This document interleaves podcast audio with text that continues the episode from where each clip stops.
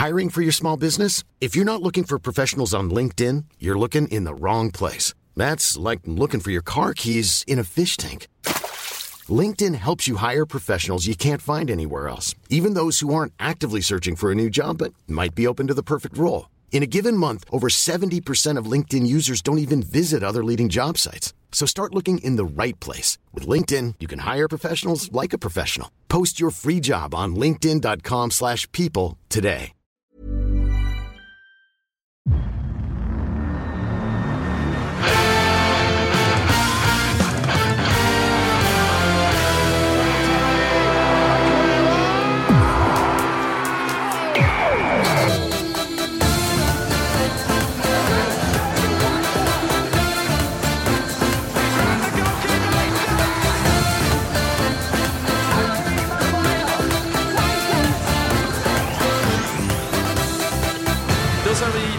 Hjärtligt välkomna tillbaka till ett nytt avsnitt av Rule Britannia. Det är eh, torsdag morgon tidigt den 7 december och eh, är det så pass tidigt Fabian så att inte järnverksamheten är fullt igång för när jag säger detta så har jag redan sagt det en gång men då visade det sig att din mikrofon inte ens var ikopplad i datorn. Alltså på, den, på den nivån är det. Eh, Hostan vägrar försvinna, men United är med i titelstriden, utmanar de stora drakarna, världens bästa lag genom tiderna, tre poäng bakom och eh, ja, men pulveriserade. Fan vad dåliga Chelsea är Robin. Herregud alltså. Nej, Jag ska inte, jag ska inte överdriva för mycket med titelstrid och allting. Jag står fortfarande fast vid vad jag tycker, men man får fan glädjas åt det li- lilla och United var ganska bra igår mot ett som sagt väldigt dåligt Chelsea. Ja, men det är skönt att eh, det är med ja, men lite mer eh, livslust eh, än, eh, än senast. Det var ju folk, följare och lyssnare som uttryckte nästan direkt oro över ditt liksom, välmående, eller obefintliga välmående i stort sett. Och Eh, det var, jag började bli lite nervös själv också under eh, gårdagskvällen. Jag eh, satt såklart och kollade färdigt hela första halvlek på Liverpool-matchen innan jag slog över till United som, som då väl hade gått 5, 6, 7 minuter eller någonting. Du hade skickat in och skrivit till mig att fan, United kommer ut med liksom, bra energi. Det kändes som att ni verkligen tog kontroll av den där matchen. När jag slår över, då uh, varkollar man en straff. Den kan vi väl återkomma till sen. Ni får den där straffen. Jag, jag ser i min lilla chattruta liksom Fabian skriver, då tänker man nu är det, nu är det liksom glädjen som bara ska ut här. Att eh, ni för en gångs skull så, så är det ett United som menar allvar från början. Medan det står där, Fabian skriver, kliver Bruno fram, missar straffen och sen såg jag inte mer av dig på ett par minuter. Där, där börjar jag bli eh, orolig på riktigt. Ja, men där kände man att det skulle bli så här att den här, den här bra starten som vi gjorde, vi kör ju över Chelsea. Jag skrev ju liksom, det här är de fem bästa minuterna United har gjort den här säsongen. Och sen får vi den där straffen på det också, och sen missar han. Men alltså, kommandot, det, det var verkligen tydligt och det är något som kan uppskattas från Erik Ten Hags sida att hela den här situationen med, med kritiken som har varit från media, från egna supportrar till viss del och sen även med ja, men det som liksom pikade i, i tisdags när man, när man portade ehm, eh, journalister från var det ESPN, Sky Sports och eh, Manchester News, bland annat, bland annat Samuel Luckhurst som är ja, chefskrivare för Manchester United för, på Manchester Evening News. Så det kändes verkligen som att man hade gjort en vi mot dem-känsla och liksom att det här, nu ska vi gå ut och visa att vi verkligen står på tränarens sida. Och Rashford var borta, Martial var borta och det var liksom spelare som verkligen sprang från start. Och ja, men ett jävligt löpstarkt mittfält med Amrabat, Scott, Scott McTominay och Bruno Fernandes. Och det, det kändes verkligen från början att, eh, att de ville visa att eh, de stod på tränarens sida. Mm. Vi, eh, jag tänker vi ska, vi ska återkomma till eh, United-matchen eh, och det, det är såklart många tankar vi kan ha kring den. Vi ska såklart prata Liverpools krampaktiga, det är inte mycket vi ska säga om den, men det är trots allt en krampaktig, viktig seger i den där eh, tabelltoppen. Vi ska även eh, prata med en serieledare. Vi ska avsluta med att ringa upp eh, Pierre Hartin, se hur mycket han har sjungit Rise, Rise Baby senaste 40 timmarna ungefär sedan det där 97 minuts avgörande. Jag är så trött på Arsenal. Ja, jag känner lite samma sak. Men det är ju något, Eh, alltså så här, utifrån, när lag gör det Arsenal gör, vinner i 97, vinner i 88, man har det sena segermålet mot City.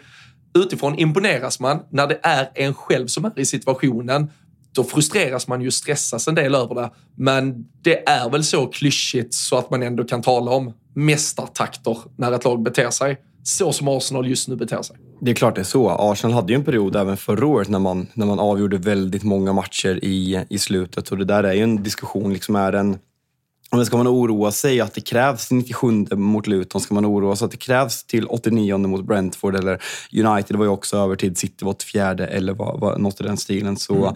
jag väljer fortfarande att säga att, liksom att det är en styrka. Sen blir det för många gånger så måste man ju problematisera att matcherna blir så jämna. Det är samma sak med med matchen mot Wolverhampton i senaste när Arsenal är helt överlägsna i första halvlek och det fortfarande blir jämnt. Man måste bli bättre på att avgöra matchen men jag, jag väljer att bara lyfta på hatten just nu för, eh, för Arsenal. Eh, den mentaliteten de visar och eh, alltså folk som man, att man fortfarande behöver ha diskussioner med folk huruvida Declan Rice är en världsklasspelare eller inte. Jag tycker jag är lite parodiskt för helvete vad bra han är och att England ska starta med honom och Jude Bellingham på centralt mittfält i, i sommar. Det gör dem till oddsfavoriter. Jag tycker att det är helt rimligt för satan i helvete vilket bra mittfält det är. Mm. Och så glömmer vi inte Trent Alexander-Arnold. Var vi kanske återigen där först med att uh, sätta ner foten kring att det där är ett tremanna mittfält England bör använda sig av. För att jag hatar honom ju. Det kommer inte ske. vi får se. Vi får Borde se. ske, men det kommer inte ske. Han, han har spelat mycket mittfältare med tröja nummer 10 i det engelska landslaget. Men äh, det står väl där med någon jävla Calvin Phillips till slut istället och så ryker man i åttondelen eller någonting. Det, det är sånt man får ibland beroende på vilka val man gör. Men du, äh, Arsenal äh, möter till helgen Aston Villa och om vi har haft premiär för Lad of the Week, alltså Team of the Week, Team of the Fan, inte bara season, nästan hela jävla året. Una Emery och hans Aston Villa. 14 raka hemmasegrar är man nu uppe i och eh, tyvärr då så var ju detta benet i vår trippel vi till slut inte satte. Det blev över 2,5 mål i eh, Manchester United-Chelsea. Det blev en övertygande seger till Fulham. Fan, 5-0. Det var en fotnedsättning som hette duga på Craven Cottage. Men att Manchester City inte gör mål och att man faktiskt i stort sett, visst där är en otrolig parad dubbelräddning inledningsvis, men annars är man fan inte ens nära Aston Villa. Vilken jävla maktdemonstration det här var. Men det här var väl på något sätt att beviset att alltså, Aston Villa är på riktigt. Man har ju tagit dem lite och det får väl vi göra oss mer medskyldiga till att man har tagit dem lite oseriöst. Att man sitter och flabbar lite och liksom att de är med och man är imponerad över Una Emery och att på kalenderåret 2023 så ligger man trea bakom City och, eh, och Arsenal poängmässigt. Men man har inte riktigt tagit dem seriöst om de här Champions League-platserna i alla fall om jag pratar för mig själv. Men det här är bland det värsta man sett. Alltså jag kan inte komma till minnes att jag har sett Pep Guardiolas Manchester City så här överkört. Eh, alltså typ första säsongen när, när de har stora problem och liksom får kämpa för en Champions League-plats. Men sen Pep tar sin första titel med, med, med, City. Alltså jag kan inte ens i Champions League. Jag kan inte komma på att Manchester City blir så här överkörda som man är. City skapar alltså 0,0 XG efter den elfte minuten mot Aston Villa. Och mm. ja, det finns lite skador. Det, Jack Grealish avstängd, det är Rodri avstängd och man har alltså noll poäng på fyra matcher utan Rodri på, på plan och sen så är det KDB. Men annars är det ett ganska ordinarie lag. Ja, Doky skadad också såklart, men det är inte så att man bara kan peka på att laget är katastrofalt. Det, det är väl liksom en balans på centrala mittfältet där han återigen visar hur lite han litar på Kunja och Kovacic när han ställer upp med Rico Lewis och John Stones där. Men mm. eh, fascinerande hur, hur överkörda Manchester City blir i den här matchen sett över 90 minuter. Mm. Och det är inte konstigt att du inte kan uh, dra dig till minnes ett Manchester City som har blivit så här utspelade, för det finns faktiskt uh, statistik på hur otroligt utspelade de blev. Och uh, alltså de, City hade två skottförsök på, på hela matchen. Det är det lägsta ett Pep Guardiola-lag någonsin har haft sedan han gör alltså sin, om vi säger officiella tränardebut. Och 22 skott mot sig som Aston Villa då producerar framåt. Det är det mesta ett Pep Guardiola-lag någonsin har fått mot sig. Det är alltså på 535 matcher. Så det är alltså en lägsta prestation vad gäller Citys egna offensiva kreativitet. Och det är ju ja, någon form av lägsta eller då högsta prestation i motstånd mot Manchester City. Så det är den största, om vi bara baserar det på siffror, överkörningen Manchester City och Pep Guardiola generellt har varit med om. Det, det är ju alltså, som sagt, behöver vi något sista jävla ja, men, bock i någon kolumn för att ta Una Emerys i alla fall tränargärning på allvar och vad han har gjort med detta Aston Villa på allvar, så, så har vi ju det svart på vitt här nu också. Men hur mycket kan man prata om en liten minikris med Chelsea City? Alltså vi, vi har poängtappen som har varit innan de här matcherna och folk har pratat om, är man mätta på grund av trippen? Är det det som inte gör? Man har svårt att stänga matcher. Man har alltså nu, vad blir det? Det blir eh, ja, men två kryss tre raka kryss. Man har tre poäng på de senaste fyra matcherna i ligan. Tre mm. kryss och nu en förlust. Och Pep Guardiola gick ut och gjorde något som jag personligen är allergisk mot när man börjar ifrågasätta pandits. Och mm. eh, nej men alltså på presskonferensen att han började prata om att eh, Gary Neville, han har bara vunnit tre i rad, han vet inte det och vunnit fyra i rad så han ska vara tyst. Jamie Carragher har inte vunnit en enda titel så han ska framförallt vara tyst och Michael Richards har inte heller vunnit fyra i rad så han ska också vara tyst. Och det där, det där är lite som vad fan, Anthony gick ut i en exklusiv intervju med en pissig United We Stand, eller vad fan, United Paddock eller vad de heter, fansite. Och började prata så om att Alltså panditsen ska inte bara komma med, de kan inte bara sitta och kritisera, de ska komma med konstruktiv kritik. Du, Anthony, du, du har nog missförstått det. Det är din tränare som ska komma med konstruktiv kritik, vad du ska göra. Gary Neville ska inte sitta och analysera vart du ska kliva in i andra pressen och hur du ska göra en mot en och hur du ska utveckla ditt spel. En pandit sitter i studion och får betalt för att säga vad de tycker. Jag kan tycka verkligen att det är problematiskt i vissa ställen, alltså journalistiken till viss del, men även gamla pundits. Alltså framförallt typ när, när polare som liksom Frank Lampard var tränare, när Ole Gunnar Solskjaer var tränare, att de snarare inte tyck, säger vad de tycker och tänker, vilket jag tycker är en förutsättning för att man ska sitta i den rollen, även liksom för, för dig och mig. Inte för att vi har några problem att säga vad vi tycker, för vi är så långt ifrån allting, men jag, jag, fattar inte narrativet när Klopp, när Pep, när Ten Hag, när Anthony i det här fallet går på pandits för att de gör sitt jobb och säger vad de ser. Det är vad de får betalt för. Men kan man, kan man se att Pep börjar bli pressad när sådana här kommentarer kommer? Ja, ja, men, ja men absolut. Det, det är väl klart de är det. Och, eh, och jag tror att han inte riktigt vet heller vart problemet är. För, för som du säger, visst, nu är det ett par spelare som saknas just igår kväll. Uh, vill man uh, försöka vara snäll mot City så är det väl faktiskt typ det tuffa. alltså att få, få Midweek-omgången borta mot Aston Villa, dessutom med ett par skador, ett par avstängningar. Det, det är en svinsvår man vi vi ser lag som både Liverpool och Arsenal, man, man åker på tuffa bara även mot riktiga pisslag så är en liksom, tisdag, onsdag kväll den här typen av match, den är jobbig. Du kan inte kanske spela alla dina spelare så mycket som du vill. Du må, måste börja snurra efter 60-70 minuter för att inte förstöra spelare inför en intensiv period. Så det är, det är klart att det är här, lite otur för City och det är klart att det inte är mot pissgäng man har tappat poäng de senaste veckorna heller. Men det är klart det är en stress. Det är ju något unikt. Det var, det var väl våren 2017 senast Manchester City hade så att säga så få poäng på det antalet matcher som man nu har haft. Oavsett vilka ingångsvärden som finns kring de här matcherna och att det finns bortförklaringar till en del av det. Men det är klart att Pep också känner att något inte stämmer och framförallt tror jag han är om han är besviken på, på sig själv eller på vem han är mest besviken eller på spelarna som har kommit in. Men det du nämner att han fick ju inte träff i, i somras heller riktigt och nu är det ganska många mittfältare. Calvin Phillips kan vi lägga in från sommaren innan. Kovacic nu, Nunes nu. Han får ju inte ordning på det där mittfältet. Det är ju fortfarande, spelar inte Rodrigo Bernardo Silva i stort sett, då är det ett jävla hopp ner. Och det är klart det ska mm. vara visst kvalitetstapp när du tar bort två av världens bästa inomhittfältare. Men jag tror inte att Pep hade förväntat sig att det skulle vara ett så här stort tapp. Och som du är inne på nu, nu får han gå med Ricky Lewis och John Stones istället, spelare som han i alla fall har förtroende för, vet hur man spelar Manchester City-fotboll någonstans. Men Aston Villa, kör jag. Alltså, Camara och David Luiz är ju, alltså Douglas Luiz är ju otroliga. McGinn i, i sin roll, vi, vi pratade om honom för några alltså, veckor sedan. Hur kan han vara så bra? Nej, men alltså, det är helt, helt otroliga. Trots naturlagen. Uh, ja, nej, men uh, verkligen. Och uh, som sagt, fortsätter också imponeras av Aston Villas backlinje här. Så det, nej, jag du, tror, älskar, du älskar Konsa?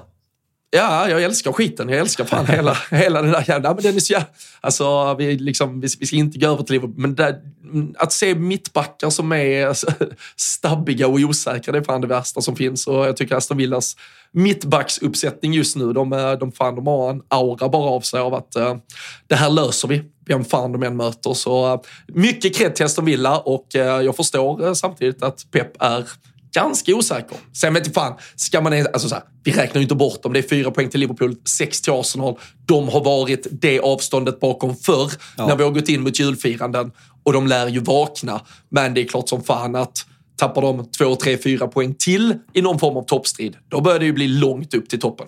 Verkligen. Om vi tar att Pep känns pressad, vad tycker du om Jamie Carragers svar på Twitter? I think I probably won one if Liverpool were owned by a nation state and pushed the rules so far that PL changed charge us 115 times. Är det, eh, och sen skriver han, I was actually praising Peps team after the game on Sunday. Är det, eh, är det kul att han går eller är det smålkuks eh, aura att, att han går ut och skriver så här? Alltså det, det här, jag, jag, är, jag tycker det börjar bli jävligt svårt att ens navigera kring vad, eh, så här, vad Jamie Carragher och Gary Neville, eh, båda två om jag klumpar ihop dem, egentligen så här, vill säga står bakom fullt ut och hur mycket som är en del i Sky-maskineriet. Det, det är bifar de två emellan, hur de uttrycker sig kring vissa saker som, som jag knappt vet om de typ står för själv eller inte. Ja, alltså, Carragher borde inte ens svara Pep kan väl jag tycka. Uh, sen, sen fattar jag att det är jävligt billiga likes att hämta in från, från en del av supporterkretsar. En del kommer att fortsätta håna honom för att han inte var någonting. Det betyder interaktioner i alla fall och att man får uppmärksamhet. Så uh, ibland känns de där liksom subtweetarna från både Carragher och Neville fan nästan köpta av Sky. Att låt oss kasta in mer vedträn i den här jävla elden. Ja, kanske. Alltså Sky har ju blivit liksom en, en tabloid från när vi var... När, jag var typ 18 så var ju Sky en väldigt respekterad källa. Det har ju blivit liksom verkligen en tabloid och eh, det här Sky, Sky News Understands, eh, framförallt på mm. sidan deadline, det är ju bland det värsta som finns. Man, man vill ju tro att de har tillräckligt stor integritet, men det är klart att de vet att deras beefs på Twitter bidrar med klick och liksom att klick bidrar med sändningar. Sen tycker jag fortfarande att deras sändningar är överlägsna hela, hela fotbollsvärlden, måste man ändå säga. Men, men du har absolut poäng med att det ibland kan gå för långt. Mm. Och äh, kan vi väl bara nämna i förbifarten där att de också har äh, förlängt då äh, rättigheterna med Premier League. Ännu mer matcher, fyra matcher i veckan ska de väl sända nu om man tittar på att luckra upp den där blackout-matchen som ligger då engelsk tid 15.00 och dessutom få ytterligare tillgång och för det så pröjsar man 90 miljarder ligger det nya tv-avtalet på. Det är pengar det med. Fy fan vilken jävla det är kul. maskin. Det blir kul när det ska eh, omförhandlas i Sverige med tanke på Viaplays eh, finansiella situation och Anders Jensens haveri som vd där och eh, nyemissioner till en krona eller vad det snackas om. Det blir, eh, det blir eh, intressant samtidigt som andra, andra hus varslar personal vilka som ska köpa de där rättigheterna i Sverige ska vi kanske starta? Alltså det är ju lite så här bösstider egentligen, eh, Musikhjälpen och annat, om man börjar samla in pengar. Ska du och jag börja samla in pengar för att eventuellt köpa Premier League-rättigheterna i Sverige? Är det där nere? Alltså är det på den nivån vi kommer landa till slut med tanke på det svenska medieklimatet? Alltså är ju dumt. Kan man inte göra som Glazers gjorde? Låna pengar och sen lägga, lägga över lånet på någon annan och sen köpa skiten och sen bara öka i värde hela tiden och sälja vidare. Det är en dum idé faktiskt. Nej, vi får, eh, ska du och jag sitta i studion då eller? När, när vi känner för det och sen ska vi anlita folk eller? Ja, eller bara liksom anamma Carragher och Neville-grejen och bara sitta och beefar på Twitter medan alla andra jobbar runt omkring oss. Vem har vi som David, David Jones då? Uff, vad svårt alltså.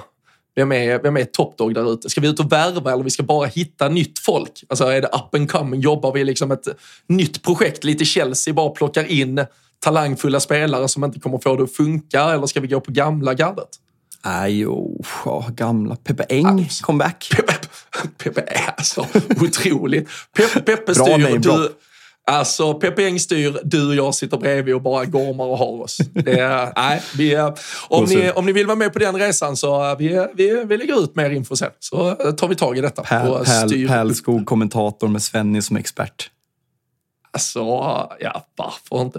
Är Bosse Hansson, är, är Bosse Hansson vid liv ens? Han är cancellerad. Han, han är cancellerad. Ja, det, det, det, är han absolut, men uh, vi, uh, vi, får se. Ja, vi får se vad vi ska göra. Ska vi väcka honom från de döda, eller? Ja, det kan vara. Vi, vi är hans eh, liksom, väg in i värmen igen. Vi, vi, ser, vi ser vad det blir av det. Men fan, bra, bra idéer. Vi, vi spånar framåt och sätter oss med Excel-arken och, och tar det därifrån. Men vi konstaterar att Aston Villa verkligen är på riktigt. Det blir jävligt kul att se nu. Deras hemmaform eh, har ju varit otrolig. 14 raka som sagt. Lite tuffare, vilket är fullt rimligt på, på bortaplan. Väntar en jävla match mot eh, Arsenal till helgen. Och eh, alltså, eh, frågan är här vad, uh, vad, vad man känner. Alltså som sagt, Arsenal tycker inte de imponerar om vi bara blickar fram. Vi ska ju ta in, ta in Pierres kommentarer och känslor inför det här också. Men alltså, det, det, det, var ju en fot som sattes ner igår, men man sätter ju fan båda fötterna rakt in i typ ett titelrace om man dessutom skulle slå Arsenal till helgen. Ja, det, det, är sjukt. Vad tycker du om, jag kollar nu oddsmässigt, Villa står i 3,40 Arsenal 2,16. Är det rimligt eller är det lite förvånande med tanke på Villa har väl alltså 14, 12 eller 14, eh, du får rätta mig, eh, du brukar ha koll på sånt här. Eh, 14 raka hemmavinster. Ja, raka hemmavinster. Att eh, Arsenal ändå är så pass tydliga favoriter. Lite underligt eller? Ja, det är jättemärkligt. Alltså speciellt med tanke på som sagt, eh, Arsenal har ju inte, men alltså det är ganska krampaktigt och framförallt Alltså ska de släppa in mål på det sättet de gör mot Luton så kommer de ju... De kommer få kämpa jävligt mycket mer för att göra fyra mål mot Aston Villa om vi säger så. Så nej, ja, här hade jag nog börjat kika lite på, på Villa-sidan. Uh, Jävla sen... lördagsmatch, alltså 18.30. Jag var chockad, alltså oddsmässigt, det skrev jag till dig innan också, att United stod nästan i tre gånger pengarna mot Chelsea. Alltså United torskar aldrig hemma mot Chelsea. Det är typ nej, två det... ligamatcher på 20 år. Nej, men det känns som att det har blivit väldigt mycket mer bara baserat på, alltså lag tittar på typ så senaste, senaste två matcherna i stort sett eller bara på tabellposition. Alltså det är ju samma här, Arsenal, Aston Villa. Ja, inför säsongen kastar bara upp lagnamnen i luften. Då är det väl klart att de här oddsen är vettiga. Men titta på vad Aston Villa har presterat, titta på hur det har sett ut för Arsenal i ett par av de senaste veckornas bortamatcher. Så är det ju, ja, då, uh, fan, det blir nog att man tar rygg på Aston Villa här. Lyssna här Robin. Äh, Draw no bet 2.43. Lite sugen på den i trippen alltså.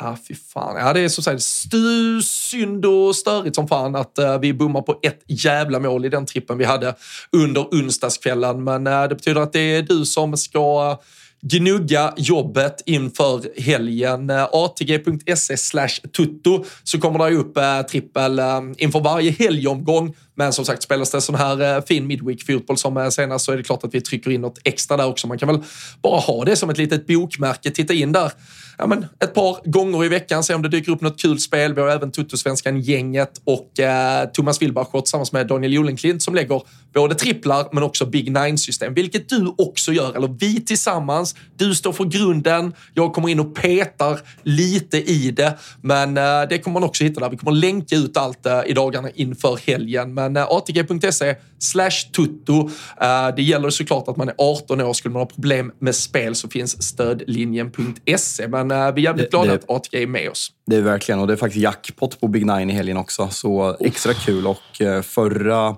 en miljon extra jackpot och förra veckan tog andelarna slut typ innan vi ens marknadsförde det. Så det gäller nog att vara på tårna. 200 kostar en andel. Och sen så är det ett spelstopp på, på lördag när första 16 matchen drar igång. Så, så vet ni läget där också. Men länk kommer i sociala medier så har ni koll på det.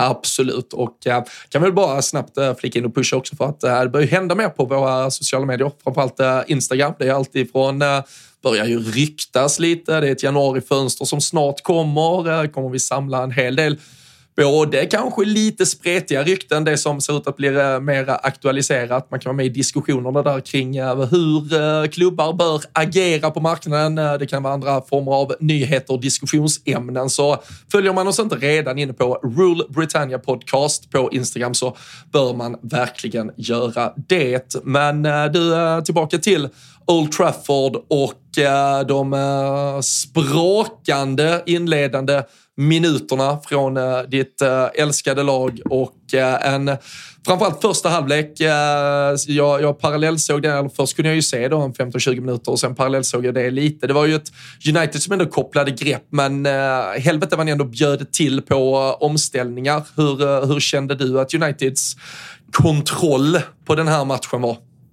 Nej, alltså inte. Det är en sån konstig match att analysera för United offensivt tycker jag är riktigt bra. Man, man skapar ofantligt mycket målchanser och att man bara gör 2-0, eh, två mål är egentligen ett under den här matchen. Sen finns ju lilla brasklappen där att ett, möter man ett lag med lite mer skärpa och med lite mer högerintelligens på fotbollsspelarna avslutsmässigt än Raheem Sterling, Mudruk och Nicholas Jackson. Är den dummaste från trion man någonsin har ställt ut på en bana. Det finns nog fog för att argumentera för det, ja. Ja, men det kan fan vara alltså, Jag tänkte inte på det igår, men herregud så dåliga och ointelligenta avslutsspelare. Det, det är fascinerande. Nej, men det var ju sån, pulsen var ju så enormt hög hela tiden. Jag kan tänka mig som neutral var underhållningen extremt hög också, även om jag misstänker att kanske många hade fokus på Aston Villa City när man, när man liksom slog över om man hade kollat Liverpool eller, eller annat för att den liksom matchen gällde mer i toppen. Men vi släpper ju till supermånga frilägen och de, så här, de, de får knappt iväg avslut för de fattar inte. Det är dåliga toucher. De tar, ja, tar, tar extra toucher när de ska avsluta på ett. De passar fel spelare. Så oron för försvarsspelet är ju fortfarande liksom enorm. Och det är bara som alltså hur lätt Chelsea mål. Det är en jättebra prestation av Cole Palmer som återigen visar att han är the real deal. Men Vigges ännu en gång taffliga försvarsspel som jag börjar bli fruktansvärt trött på och eh, Onana en, jag vet inte om jag ska säga en bra målvakt, men en, en målvakt med lite räckvidd tar ju det där skottet. Alltså det går i slow motion, så det där, det där måste han ju rädda. Eh, jag landar ändå där. Mm.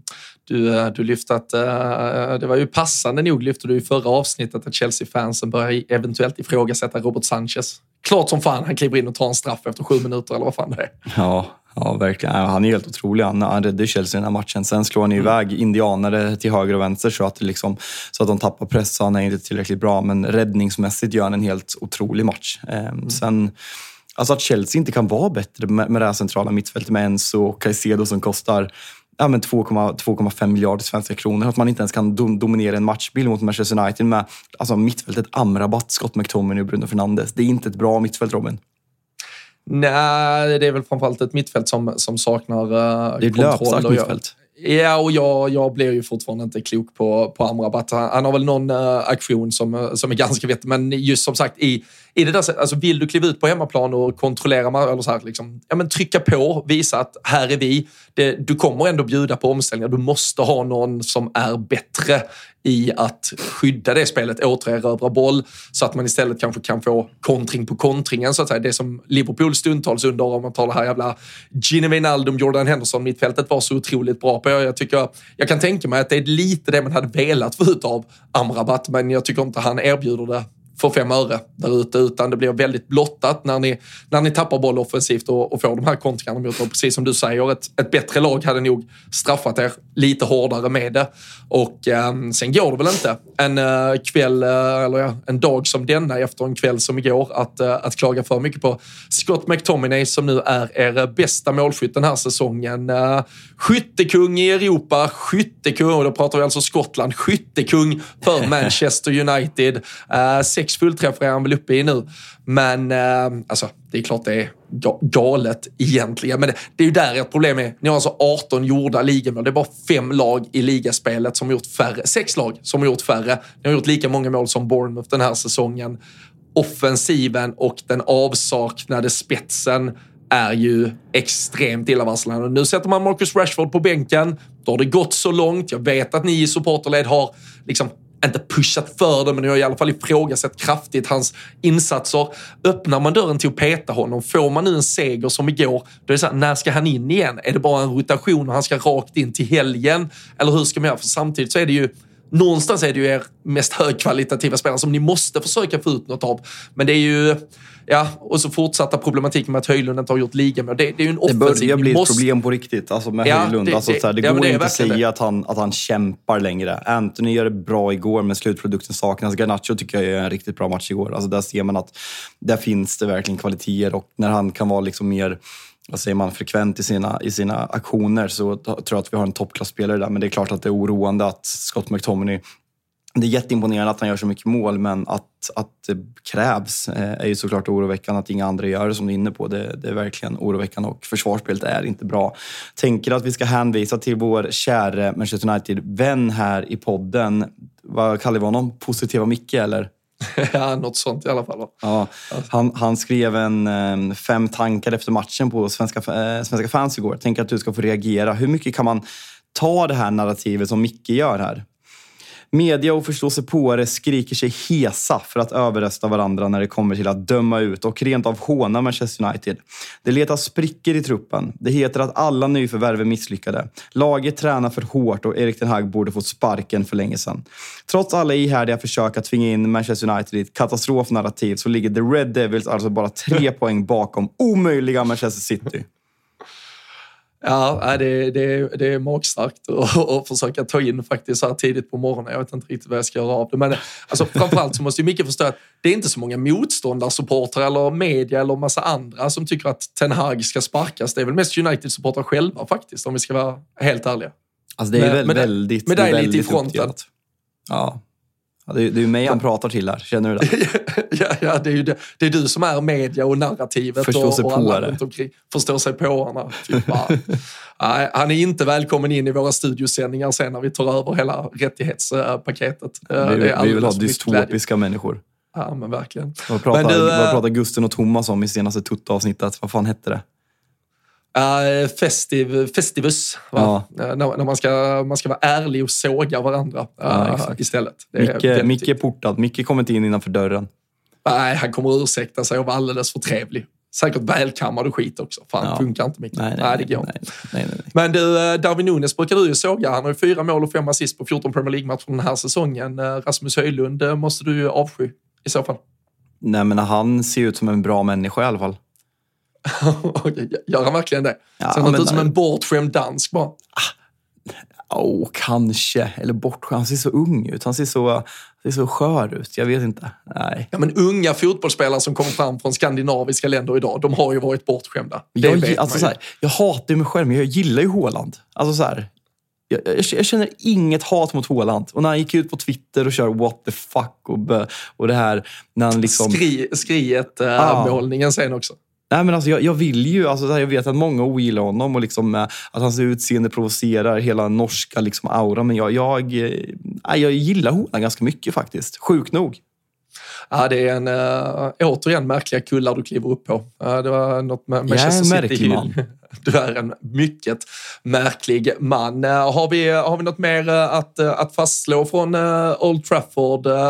jag lyssnade på McTominay efter matchen också som ändå pratar om att nu, alltså, han vill ju slå hål och såklart ta, ta död på alla rykten om splittringar i omklädningsrum och annat. Ten Hag pratar om det efteråt också, att uh, klubben, laget är enat, blickar framåt. Det finns ju all möjlighet att ha Bournemouth hemma på, till helgen här att ta ytterligare en trea. Är det, är det någon... Är det, no, ja, ja det, det, är mycket möjligt att vi sitter här söndag kväll eller måndag morgon och, och tar ner någon, eh, någon jävla dystopisk eftermiddag från Manchester igen. Men det finns väl ändå ett ypperligt jävla läge att börja andas lite här. Uh, som sagt, ni har ju ändå tagit poäng senast. Jag hörde Lagerbäck prata lite om det, att at the end of the day är det det som betyder något. När man inte tar poängen kommer man alltid argumentera för att det där bra spelet, de fina intentionerna inte är värt någonting. När resultaten ändå kommer, klart att man är picky och vill se att fotbollen är bättre. Men det är ju fan ändå, om vi zoomar ut lite, det är ju bättre att ni i alla fall har tagit poängen och det har sett ut som skit just nu än att det var det omvända och ni var som Chelsea och låg på 19 poäng på tionde plats. Alltså, där finns ju mycket att bygga vidare för när vi ja, men, går in i andra halvan sen av säsongen om ni bara biter er fast nu de kommande matcherna. Alltså verkligen. Sen är den här diskussionen liksom, hur mycket är det värt att ta poäng och sluta femma eller om man slutar sexa när, det inte ser, när man inte har ett spel som man har en tro på framtiden. Jag vill ju på något ja, sätt... När, när, Champions League är på femteplatsen så är det kanske jävligt viktigt att bara jo, lösa det. Jo, absolut. Det är klart att det är viktigt ekonomiskt. Men sen samtidigt, vart lämnar det oss med framtiden om vi har en tränare som spelar en fotboll som inte är vägvinnande? Att liksom det, det, kommer lite vinster. Vi, vi, spelar, det här är liksom vår bästa match för säsongen och det finns fortfarande väldigt mycket brister i insatsen defensivt. Framförallt och vi släpper till extremt mycket målchanser. Jag tycker att man måste kunna hålla två bollar i luften. Att säga liksom det är jävligt starkt att vi tar poäng, men jag är extremt orolig över att spelet inte ser bättre ut. Och det är väl där många, många liksom supportrar clashar. Får bara, innan vi lämnar, vad, vad tycker du om hela den här grejen med att... Jag vill vara jättetydlig, liksom, Samuel Luckhurst är en klickjournalist. Manchester, Manchester Evening News är en ganska med dålig, dålig källa som skriver mycket för att liksom samla klick och det känns liksom som att de njuter av när det går dåligt för United för att de får mer tillströmmelse till deras tidning och kan släppa mer artiklar. Men att man portar tre journalister från, eh, från en presskonferens för att de har skrivit att Erik Ten Hag har tappat delar av omklädningsrummet. Och Manchester Uniteds anledning för det här är att de kollade inte storyn med oss först. Alltså jag vet inte, men journalister ska väl skriva där de har. De har väl inget krav på sig att de ska höra med Manchester United innan, innan de skriver det. det är liksom, de rapporterar om dem. Det finns inga krav på det här. Vad, vad känner du med det här? Nej, jag tycker det är super. Alltså, ja, Liverpool har av eh, helt andra anledningar stängt dörren för, för all jävla framtid till eh, The Sun. Men eh, det, det är ju såklart inte att, det är inte jämförbart. jämförbart överhuvudtaget. Och, eh, och jag tycker det är märkligt. Jag, jag läste uh, Thomas Mattsson, gamla chefredaktören på, på Expressen bland annat och som dessutom är stor Liverpool-supporter. Men, men han brukar alltid ha rätt vettiga takes just när det kommer till medierapportering från brittiska öarna. Han följer mycket den engelska fotbollen och han, konstaterar ju det att alltså, Manchester Evening News, det, det är alltså en, en tidning som började bevaka klubben innan Manchester United var ens Manchester United de hade journalister med på planet som kraschade i München. Alltså de, en som gick bort de, då, som jobbade på, eh, på tidningen? Liksom. Exakt. Alltså de, de, är...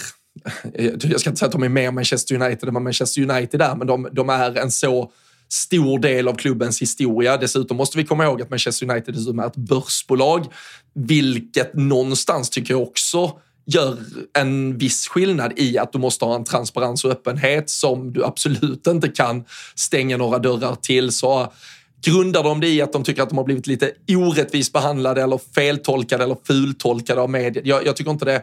Det gör det absolut rätten att kanske markera mot dem att eh, du kanske inte vill utveckla svar på deras frågor vad fan som helst. Men att stänga dörren, då blir det lite Manchester United som förlorar den matchen tycker jag. Och eh, det ger ju bara vatten på kvarnen för då den här typen av journalistik att, att gasa vidare. Så det, det är illa hanterat av United tycker jag. Ja, men just när man är under den här pressen. För Sir Alex gjorde det någon gång, men då var man liksom på en helt annan nivå. Nu liksom känns det bara som att det är en enormt pressad klubb ännu mer när man tar sådana här beslut. Och det här är liksom... Vi, vi håller på och problematiserar med rätta Saudiarabien som ägare. Det här är liksom, det är liksom som att vara i Ryssland eller Saudiarabien där man tystar media. Det jag tycker inte att det är rätt väg att gå. Eh, vad folk än Så. säger om Samuel Luckers och eh, Manchester Evening News. Såg du, eh, på tal om det, bilderna från igår. Newcastle Uniteds ägare. Aha, jag såg det. Bin, Bin Salman, han uh, tog emot Vladimir Putin på ett trevligt statsbesök. Ja. Vad hade du tyckt om Glazers? Hade Putin hemma på middag? Hade inte blivit förvånad, men ska vi gå vidare och från uh, två rövhål till ett annat rövhål. Jürgen Klopps intervju efter matchen igår. Fan vad skön han är. Äh, men fram, framförallt var oskön. Det här var ju den amerikanska alltså helt det, det, alltså, det är en helt ja, men, normal fråga. Nej, alltså, det är en helt nej, normal skämtsam fråga. Nej, Jo. Nej, det är det verkligen inte. Han är, se, det, han är så det är den jävla... Kan du inte bara säga att han är oskön? Ja, men det är ju klart som fan han är, men han möts av den, mer, alltså, han mest, den mest... Alltså, herregud, det här, jag vet inte ens vem det är, jag vet inte vilka sändningar. Det, det var någon amerikansk sändning från ett studiobord du aldrig någonsin har sett med något anka. Det är inte den gubben vi kommer ta. Alltså Pepe Eng alla dagar före den här jävla gubben i alla fall. Han har fnulat och funderat. Han har suttit på vägen över till Sheffield och bara tänkt när jag får prata med Klopp, då ska jag ju fråga något roligt om 12.30 av sparken på lördag. När man bara säger, men det här är en repig skiva. Alltså, vi har pratat om det nu i flera år. Dessutom har och det som Klopp har pratat om har ju för helvete varit resor från Sydamerika, hem, muskelskador som uppstår till följd av det. Han ifrågasätter om vi verkligen vill ha de bästa fotbollsspelarna på planen eller vill vi bara trycka ut fotbollsmatcher för att folk ska sitta hemma och titta på, på det som något jävla, ja men som ett jävla eh, vad heter det, alltså typ riddarspel, ett gladiatorspel. Är det bara show för folk där hemma eller ska vi börja tänka på människor? Och så står där någon dum studiogubbe och försöker göra roligt av att uh, you have your favorite kick-off time on Saturday. Ja, men kan han inte bara ta det som ett dåligt skämt att den amerikan måste han bete sig så jävla oskönt också... mot journalister? Nej, alltså gång på gång beter han sig helt han utan anledning oskönt mot journalister. Här han gör det jätteofta, absolut. Men här tycker jag också att han bara, nej, vad fan, alltså, helt ärligt, varför ska han komma till en eftermatchen-studio och stå och diskutera avsparkstiden på lördag? Nej, jag, jag, tycker, jag tycker det är en riktig tomte. Självklart kan Klopp göra det bättre, han kan svälja det. Vi vet att Klopp inte gör det. Det är en del av honom och den kan man absolut tycka mindre bra om. Uh, men uh, det, det, är en riktig tomte till försök till journalist här som ska... Nej, han kommer helt fel på det. Han det... Bara, de, de andra stod bredvid också och undrar varför diskuterar vi detta? Alltså, va, va, va, vad hade detta med saken att göra? And, and you mentioned Jürgen, you've, you've had to shuffle your pack. You've had some injury problems. You've got all these yeah. games. You're still going strong in Europe, in, in the League Cup, in the FA Cup. You're going to Crystal Palace, your favourite kick-off time at the weekend. But I mean, that, that's the price brave, of success. That's really brave to make a joke about that. Uh, uh, really. Yeah. But you've still got the passion. You've still got the enjoyment. Um, I mean, it's it's it's constant, isn't it? Day in, day out. It is. It is constant. Yeah. Now we go home. I don't know exactly when we arrive. What is now? Suzawa at one o'clock, two o'clock, two a.m. Whatever. Yeah. And then we play again. We have two. Do we have two sessions tomorrow and Friday? Yeah, we have two sessions. So it's fine to recover and then we go again. So Crystal Palace play tonight as well, so that, that's absolutely fine. It's just not.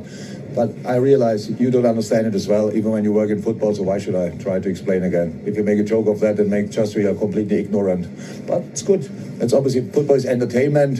And I understand. It's all good. It's just one of those those issues that come up, and I, I'm, I'm not trying to be disrespectful. you were already.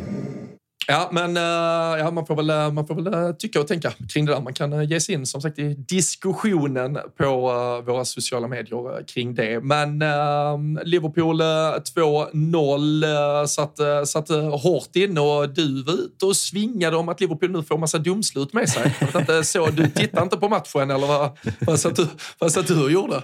Du bara, hade du den på autotryck bara? Eller? Jag satt och, halv, satt och halvsov i... Brann det i Norrköping? Eller? Jag, låg, jag låg och halvsov första halvlek och sen så ser man ju att van Dijk, nej, men ett regelrätt överfall på min, eh, min, eh, din skånska broder eh, Ahmed Hodzic vid målet. Och, eh, nej, men jag reagerar på att det nu är tre matcher i rad med väldigt tveksamma domslut som Liverpool har fått med sig. Och jag, tyckte, ja, men jag ville bara lyfta frågeställningen om det hade varit tvärtom, om det hade gått i Manchester Citys favör. Nu tar jag mina blåa bröders sida igen här, känner jag. Du, du, men, du, du, du har, jag, jag vet inte, har du överhuvudtaget sett någon reprisbild på detta eller har du bara suttit och varit lite suddig i ögonen när du tittar på det? Nej, jag var nog lite suddig i ögonen. Alltså, den här är ju minst. Alltså, det var ju, alltså, det var ju mest... Van Dijk, Ja, men Dijk, fokus nudda, på de andra två. Van, Van Dijk nuddar ju inte Ahmedhodzic. Alltså, han är ju inte i en duell med honom. Ahmedhodzic försöker, vilket han gör. Där har vi ett highlights, eh, alltså ett compilation att klippa ihop. Hur, jag tror han kramade Cody Gakpo mer än vad jag har kramat mina barn det senaste året och i stort sett under 90 minuter.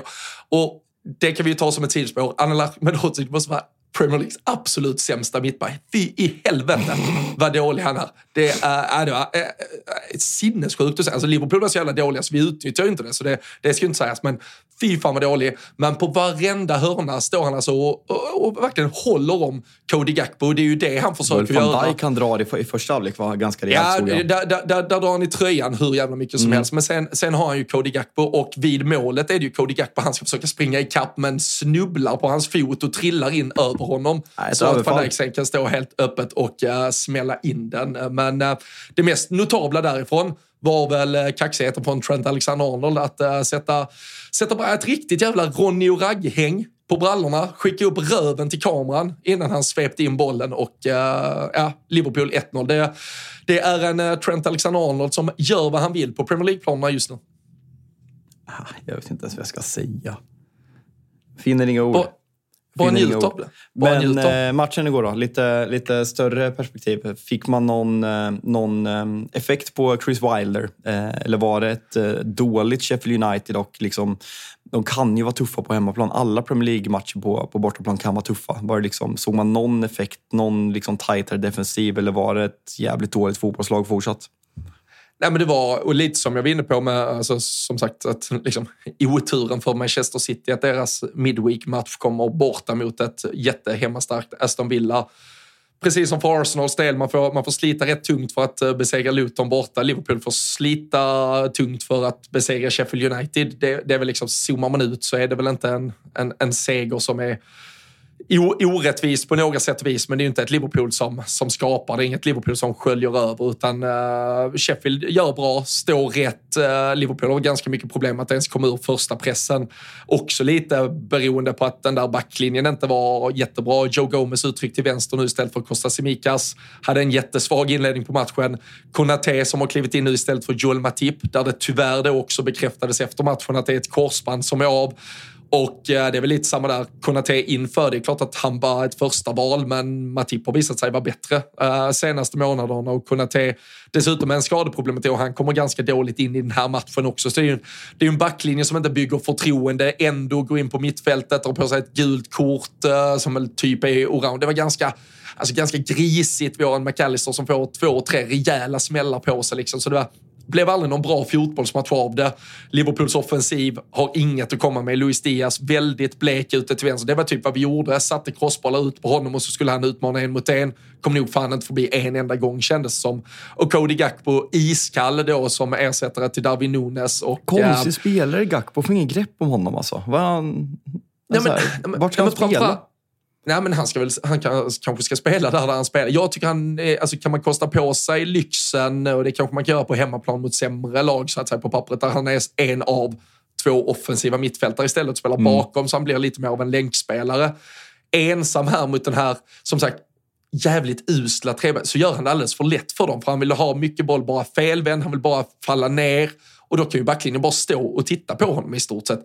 När Darwin Nunes kommer in med alla eventuella frågetecken kring honom och det är missar återigen här så är det ju i alla fall jävligt jobbigt för backlinjen helt plötsligt. Han river åt vänster, han river åt höger, han kommer ner och möter, han sticker långt, han går offside tre gånger, och sen kommer han och plockar upp en boll och han kämpar tillbaka någon och han tacklar som en gal. Alltså, det händer ju saker i alla fall och det uppskattar jag ju jävligt med. Det tror jag för att förenkla diskussionen kring varför man eventuellt tycker om Darwin Nunes trots att han inte har statistik som är jätteimponerande just nu så är det ju att det, det är ju kaos direkt han kommer in i alla fall. Och i det här Liverpool-laget som är så jävla maskinellt på mycket annat och det ska rullas till förbannelse och det ska spelas exakt utifrån vissa premisser så är det rätt gött att ha den där spelaren som bara ja, men skakar om det. Och eh, det, det, är ju, det, det, är väldigt signifikativt för Darwin Nunes att eh, det som blir 2-0 målet, det är först att han slarvar bort en chans fullständigt, sen river tillbaka, tacklar liksom beredd att i stort sett mörda spelaren. Är den här, river tillbaka, är det när han såklart ska bli utvisad du syftar på eller?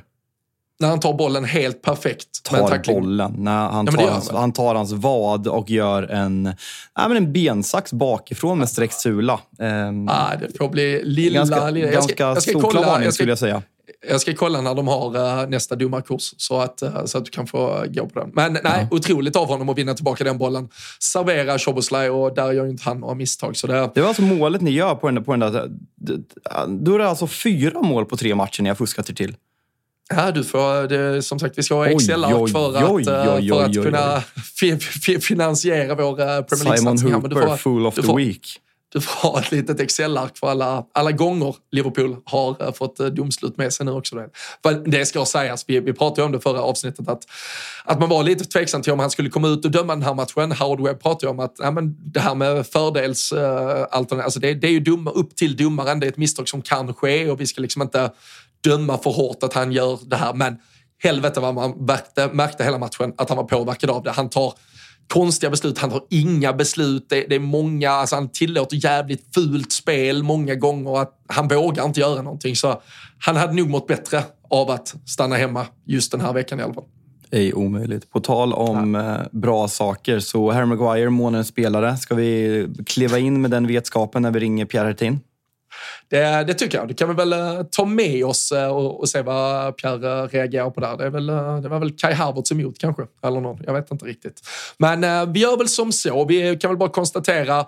Fulham slog Nottingham med 5-0. Bournemouth var på Sellers Park vann med 2-0. Brighton vände och vann mot Brentford 2-1. Och från tisdagen så har vi även Wolverhampton då som tog en 1-0 mot Burnley. Men de får ursäkta i detta lilla Midweek-avsnitt. Vi måste ta tempen hos serieledarna. Så uh, folket sitter kvar och vi plockar upp eh, Pierre Hertin. Hiring for your small business? If you're not looking for professionals on LinkedIn, you're looking in the wrong place. That's like looking for your car keys in a fish tank.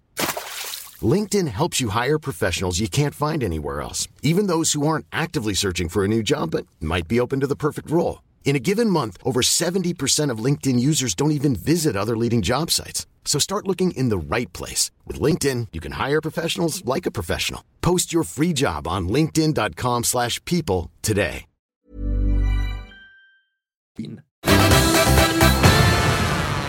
Ja, men då har vi med oss en serieledare som eh, jag vet inte riktigt eh, status på. Jag hörde rykten om ett eh, julbord igår, men jag ser att du lever åtminstone. Jag har ju behövt ifrågasätta min kära vän Fabian Jalkemos mående senaste veckorna, men hur fan mår du Pierre? Jo, men jag, jag är stark ändå, det måste jag säga. Men det var roligt igår när du skriver ja, men kan vi köra liksom 8.30? Och man, man, man, ska precis checka ut och gå till ett julbord. Och tänkte, ja, det, det kan bli tufft. Men du sa att ja, det har varit Jalkemos status hela säsongen. Så jag får kämpa mig igenom där. Ja, men det låter bra det. Och, ja, fan, är, man, är man serieledare med vind i segel och rygg så tar man väl sig upp från, uh, från även den tyngsta bakfyllan om det skulle behövas. Jo, absolut. Eh, och jag önskar att jag skulle säga att det var en bakfylla ifrån i tisdags kväll också, men eh, ja, det, blev inte du... så mycket, det blev inte så mycket fylla i soffan hemma vid 23.15 eller när matchen Fan, du slutade. kämpade. Du kämpade in i det sista. För en biljett, ja. Ja. Ja, det, det var tufft. När det, när det slutar på det sättet det gör så var det ännu hårdare att ta att man inte fick en biljett. Men ja, ni vet ju själva liksom att vissa matcher är extra svåra och bortabiljetter är vanligtvis svårt. Eh, men med den arenan och man får ju bara 10% tilldelning till alla alla bortamatcher, så det var ju kring tusen bortabiljetter mot vad det vanligtvis är cirka 3000 på de flesta matcherna. Så nej, det var svårt. Men eh, ja. Nej, jag förstår det, men, eh, men en jävla avslutning eh, på allting. Och, och vi pratade lite inledningsvis om att det såklart kan eh, vara två sidor av ett sånt här mynt. Nu, nu börjar det ju bli liksom mer vana än någon form av undantag här, att ni lyckas vinna till slut. Vi hade Brentford-segern sent, ni vinner mot United ganska sent, City-matchen förhållandevis ganska sent där också. Ni håller ut i vissa matcher där ni kanske inte imponerar imponerar supermycket. Vad, vad, är, vad är din, liksom så här, dina eh, två, två cent på vart Arsenals säsong är på väg med den här typen av insatser? Nej, men det det du är inne på, jag satt och räknade lite på hur många sådana ja, sena avgöranden vi har på ett ungefär. Och, ja, man får det till fyra den här säsongen, men kollar vi bara kalenderåret 2023 ser vi ut att ha åtta stycken. Eh, och jag kan bara med den mentala inställningen och det känns som att spelarintervjuer pratar om att eh, den här säsongen handlar mer om att tro på det in i det sista oavsett resultat och hålla sig lugna eh, psykiskt. Eh, något som vi kanske saknade i vissa matcher, speciellt i slutet på förra säsongen. Men eh, det är klart det är en styrka och ah, jag kan inte säga att jag såg det komma i 97. Eh, det är klart man hade gett upp x antal gånger, men det är väl fortfarande över halvtimmen kvar att spela när Ross Barkley gör 3-2 för dem. Mm. och med det sättet vi ändå sätter tryck uh, så såg jag det komma. Uh, men uh, ja, det, det, är klart man kan sitta och säga så när det, när det slutar på det här sättet. Men jag kommer sitta i en annan match och, där vi inte har lyckats få in ett segermål i slutet. Men eh, ja, trenden, trenden är verkligen för oss. Mm. Men eh, tre, tre insläppta mål eh, mot eh, Luton. Försvarsspelet, finns där frågetecken kring det också? Det är klart det gör det. Sen eh, skulle jag vilja lasta lite Raya för de, i alla fall två målen. Eh, sättet han kommer ut på den andra hörnan, det blir mål på och kanske, kanske att tredje målet också kan eh, diskuteras om han ska ta... Det är synd att ni inte har världens bästa reservmålvakt som Liverpool. Då hade ni kunnat, hade ni kunnat agera nu. Ja, exakt. Eh, men eh, Arteta verkar inte vara den som vill agera för det känns lite som att det är hans polare som står i målet just nu. Och... Han är bestämd där. Jävlar vad bestämd han är. Alltså han... Ja. Fa fast att han kanske skulle byta ut honom i 74 ibland och sådär. Man vet aldrig. Det är ja. lite galet. Ja, det är galet. Men eh, ja, det är klart. Det var väl Lehmann som var ute och sa det att han är lite förvånad från första början när den värvningen kom. Och jag vet att vi också satt och pratade om hur det kan påverka truppen. Eh, mm. Och då sa jag, ja, men en konkurrenssituation ska ju vara nyttig precis på den eh, positionen som det är överallt. Och det känns lite som att det har... Ja, jag hade nog fel där, för det känns som vi har eh, påverkats av det på ett större och kanske mer negativt sätt än vad man kunde tro. Eh, och jag har svårt att se någon match eh, riktigt där jag kommit upp i samma nivå som Ramsdale höll under en längre period förra året, även om han visst hade några tabbar med. Men eh, det känns som han var en av nyckelspelarna förra året och det kan jag inte säga att Raya är just nu. Det låter som att vi är negativa, vi ska prata mer positivt. Men just den här grejen också. Jag tycker att det hade varit alltså argumentet att Raja står i liksom, ja, det här klassiska, att han är bättre med fötterna. Men vi har haft den här diskussionen i den här podcasten om det är liksom ett medvetet val av Arteta att man är lite mer cyniska i år eller att det är att, jag menar, toppspelarna Ödegård, Martinelli, Saka kanske inte är, alltså att de är exakt i samma fina form som de var kanske framförallt för exakt ett år sedan i höstas när de verkligen flög fram. Och hade spelet sett bättre ut, då hade man kunnat peka på men, att det är Raja som är med i uppbyggnadsspelen. Men nu är det snarare så att spelet hackar lite mer, även om man tar de här mer ja, men vuxna titelvinnande segrarna. Alltså jag tycker inte att argumentet att man är bättre med spelet går att liksom lägga på Rajas fördel heller, då, då det var bättre förra året med Ramster. Så jag, jag tycker att det är underligt, men som sagt, vad fan. Sex poäng för City, vad är man? Eh, två poäng eller tre poäng för Liverpool. Så svårt att sitta här och klaga. Arsenal är, Arsenal är riktigt jävla bra, så att, eh, att Raja, eh, som ändå har gjort det habilt, är det största problemet, så, så har man det ganska bra om man säger så.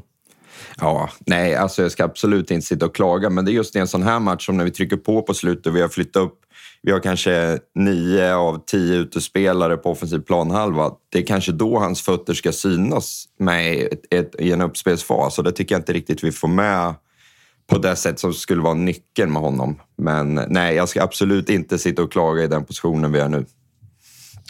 Nej, du ska inte klaga på, på någonting Pierre. Men eh, det, vi, vi satt för uh, några veckor sedan, då blickade du fram på spelschemat. Uh, jag tror du pratade om fem potentiella segrar i alla fall på rad. Jag tror det har blivit tre av dem. Men vi pratade här senast om, eller vi pratade innan om ett Aston Villa som alltså kommer från 14 raka hemmamatcher med seger nu när ni åker till Birmingham på lördag ja, men, inte seriefinal, men det är ju jävlar i det toppstridsmatch och eh, frågan är ju om det här bortaspelet vi har sett de senaste veckorna, tror du det räcker för att eh, säga good evening till uh, Unai Emery och åka hem med tre poäng?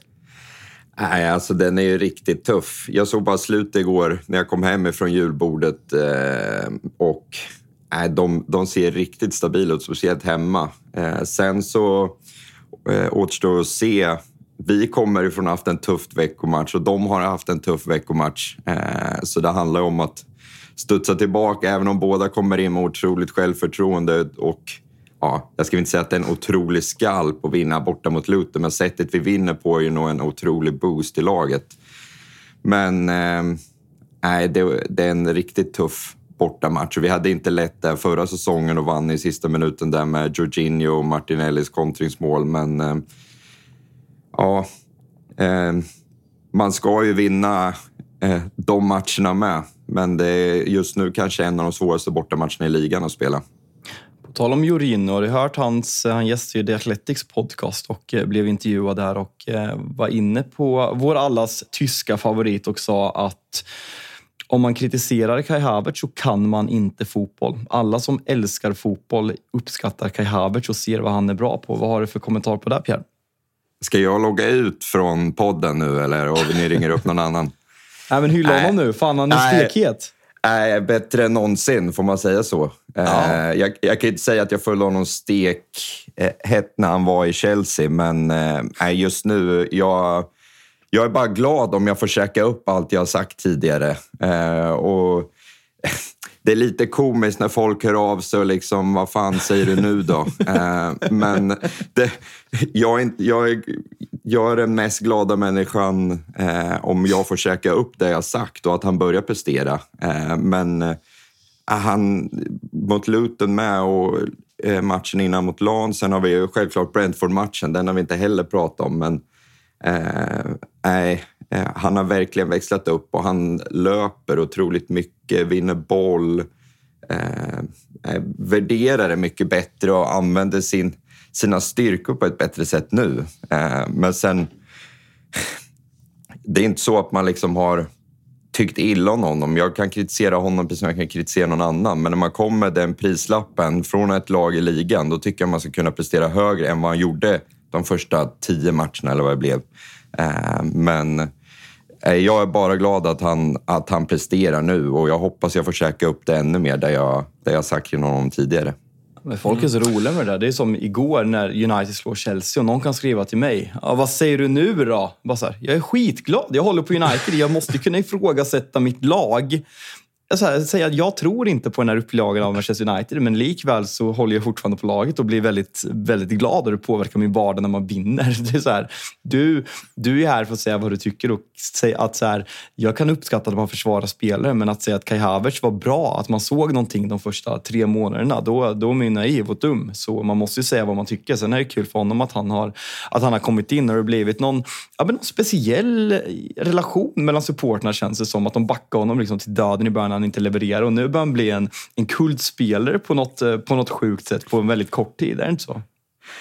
Ja, kultspelare kanske att ta i, men absolut. Och hans sång, eh, alltså det, den, den hörs, eh, om man säger så. Alltså han, på matcherna känns det inte som att han har fått det emot sig på något sätt. Man har hört hans sång redan innan han gjorde mål, vilket man ja, när han var som sämst där i början så gick man nästan och skrattade. Hoppas att han gör något jävla mål så att vi får sjunga den här sången och att det betyder något. Men eh, nej, det är bara att hoppas att han fortsätter växla upp. Men målen har ju varit för hans självförtroende-boost. Det kan man ju se på honom själv. Mm.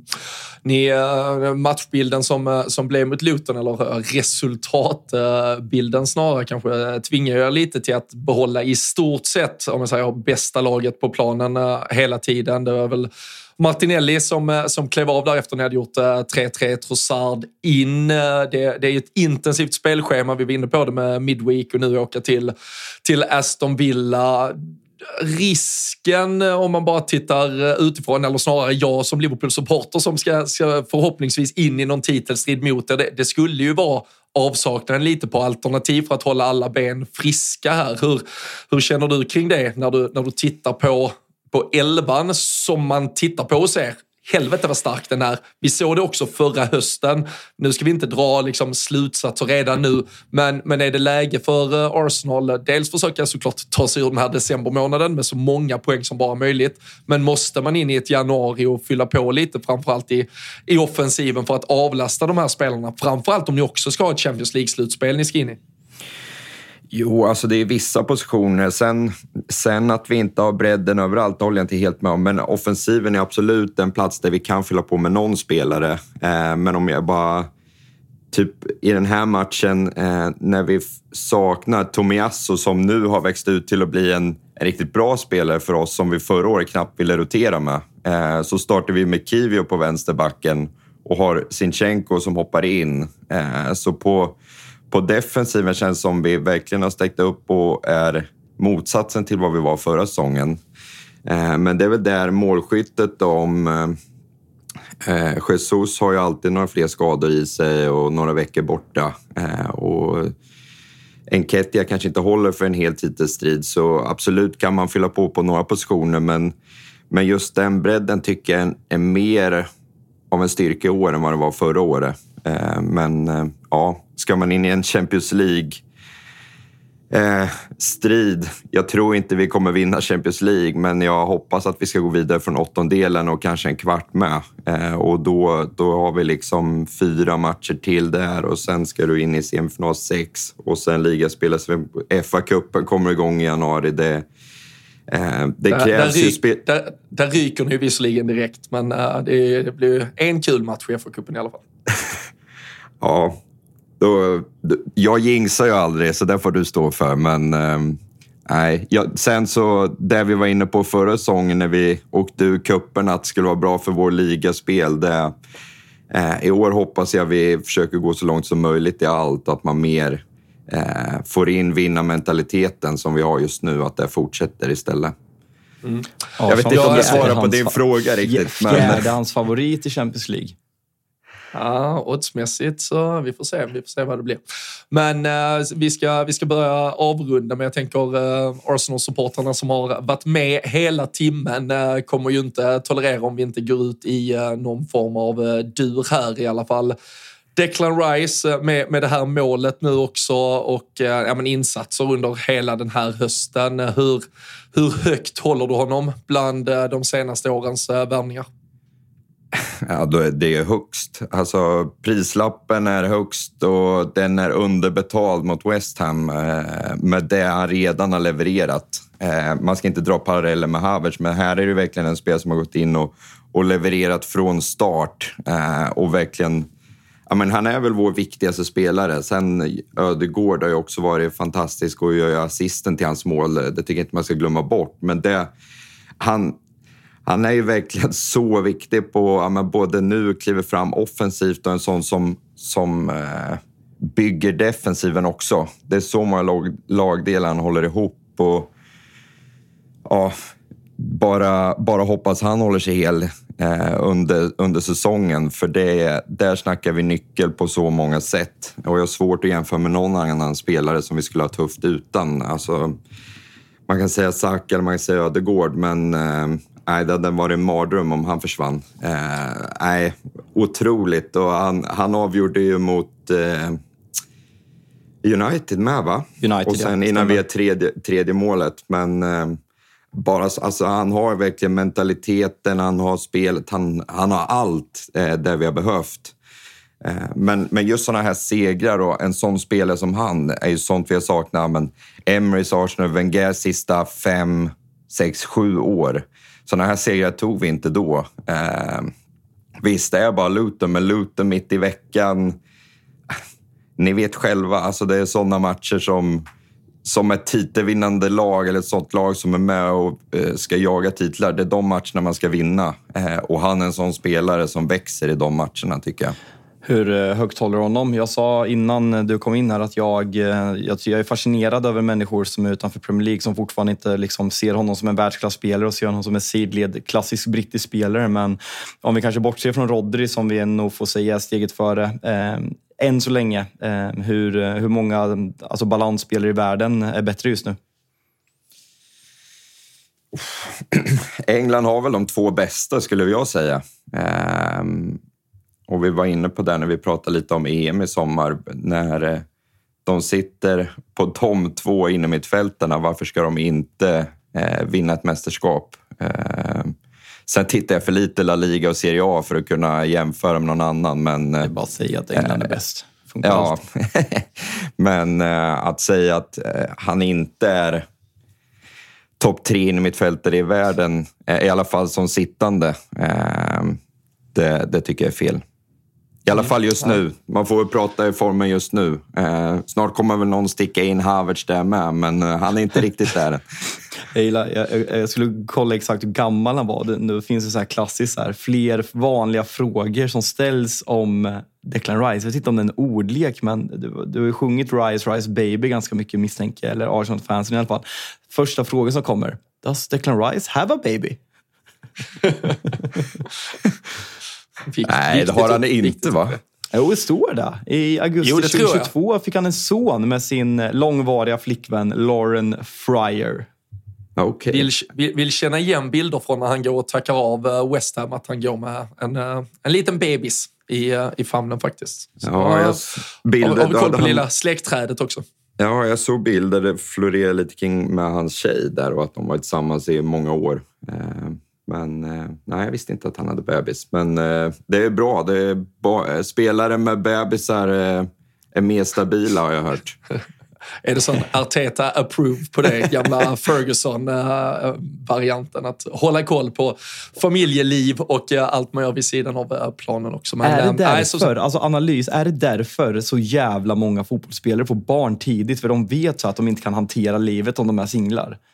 Jag läste, Phil Foden har väl typ en fyraårig grabb som är helt brutalt stor, om det är på Instagram eller om till och han med alltså, har något reklam, eget så- sålde något reklamgrej nu för flera miljoner. Garnacho. Ja, men så här, känns det inte vanligt, nu generaliserar jag jättemycket, men känns det inte vanligt att fotbollsspelare får barn så fruktansvärt tidigt? Det, är liksom så här, det finns en jämförelse, små städer, Stockholm. Jag blev provocerad här i Norrköping när alla liksom ploppade ut sig barn när de är 18, 19, 20. Men i Stockholm, där är jag fullt normal som är 32 och inte har barn. Det är samma med fotbollsspelare som gör samma undersökningar. Fotbollsspelare är ju småstadsmänniskor helt enkelt. Men, du, det- det är men ju du hade ju inte varit... Du hade inte varit en stabil mental fotbollsspelare, Jarkmo. Nej, verkligen, verkligen inte. Jag, jag hade haft annat som hade lockat. Helt rätt. Nej. Nej, men det är väl, det är väl eh, ti- tiden och eh, otroliga mängder pengar som gör att det är ganska, ganska enkelt att skaffa barn eh, väldigt tidigt i förhållande kanske till någon som ska försöka etablera någon form av vanlig karriär. Fan Blev, påverkar, lilla- mängden fan, peng, hur fan påverkar mängden pengar om man kan skaffa barn tidigt? Om, om, om, om du har otroligt mycket pengar och otroligt mycket tid och du dessutom har satt dig i en situation där din fru troligtvis inte kan ha ett vanligt jobb, då tror jag det är ganska högt upp på listan att skaffa ett barn. Man, li, min- man ligger mer när man har mindre att göra. Det är där vi landar. Det är dumt. Nu kan man ju ligga utan att skaffa barn också Fabian. Jag hoppas att du vet om det. Med tanke på att du inte har barn. Så Nu får. Robin, nu får Robin Men- panik för att vi svävar iväg för mycket här. Men det, det är sånt man får hänga med. Man får, eh, man får sånt Så, här. Så är det. Men uh, fan, vi, eh, vi önskar dig i- nej, inte särskilt mycket lycka mot uh, Aston Villa. Jag hoppas ju att ni får... Uh, fan, ska man behöva liksom, sitta och heja på kryss i matcher med Aston Villa nu också? Nej, nej inte än. De får lov att slå er. Uh, Vart ser, så- du, så vart ser du matchen? Nej, faktiskt i Budapest. Just ja. Det var dags för den helgen nu. Ja. Det är alltid Ja. någonting. Det är faktiskt årets sista resa, så um, sista flygen ska, ska köras. Eh, men, eh, och ny stad och nytt land, så jag ser fram emot det.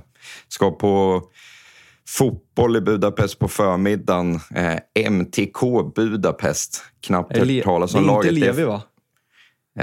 Nej, han spelar ju i... Eh, de? väl? Eller det gamla... Nej, det gamla han, han spelar Nej. väl i... han är väl i i- Orban-gänget? Ja, jo, men det är väl exakt. gamla Videotron? Puska, De-. Puskas spelar han väl i. Eh, men eh, nej, Ferencvaros spelar borta, så det är lite av B-laget jag ska gå på i, i Budapest. Men fotboll är alltid fotboll och, och ny arena. Eh, men eh, nej, sen ses Aston Villa borta därifrån. Eh, men ja, en otroligt tuff match. Vi får se om det jag sa i början av december där att vi skulle gå rent fram till Liverpool-matchen håller. Men eh, ja, det, sen, sen måste man säga att det är kul att Villa hänger på och eh, att det är andra lag som rör sig i toppen. Eh, men nej, en otroligt tuff match.